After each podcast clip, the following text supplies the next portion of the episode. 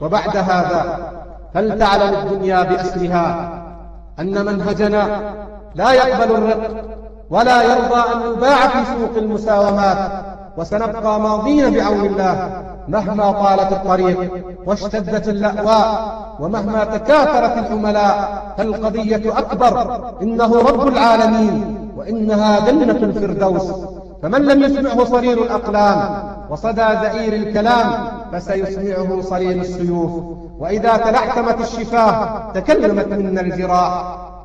فالأرحام التي ولدت خالدا لا تزال تحمل وتضع رغم غطرسة الباطل. دعاني الناصحون من الأهالي غدا شددت للهيجار حالي وقالوا لا نطيق اليوم بينا أهجرا بعد هجر في توالي؟ وقالوا إن هذا الدين يسر فماذا لو عدلت إلى اعتدالي تزود من دناك ببعض مال فنعم المال للرجل المثالي وحسبك ها هنا عرضا قريبا كفاك من العلا كد العيال فإنا معشر ضعفاء جدا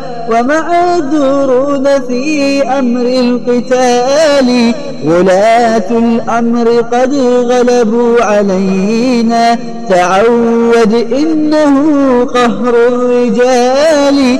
ولا تضرب لنا مثلا بقوم يلم شتاتهم شعث الجبال.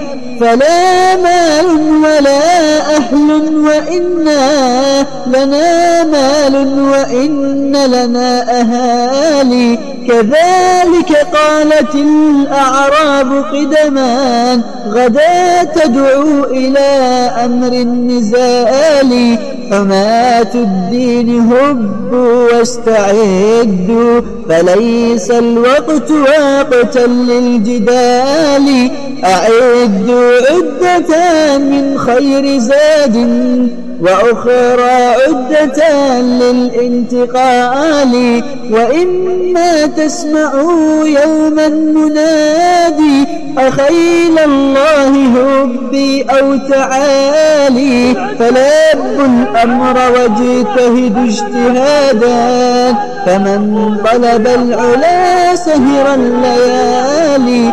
ومن طلب العلا من غير كد أضاع العمر في طلب المحال ومن ينكل عن نار الله يوما يؤول به النكول إلى النكال يؤول به النكول إلى النكال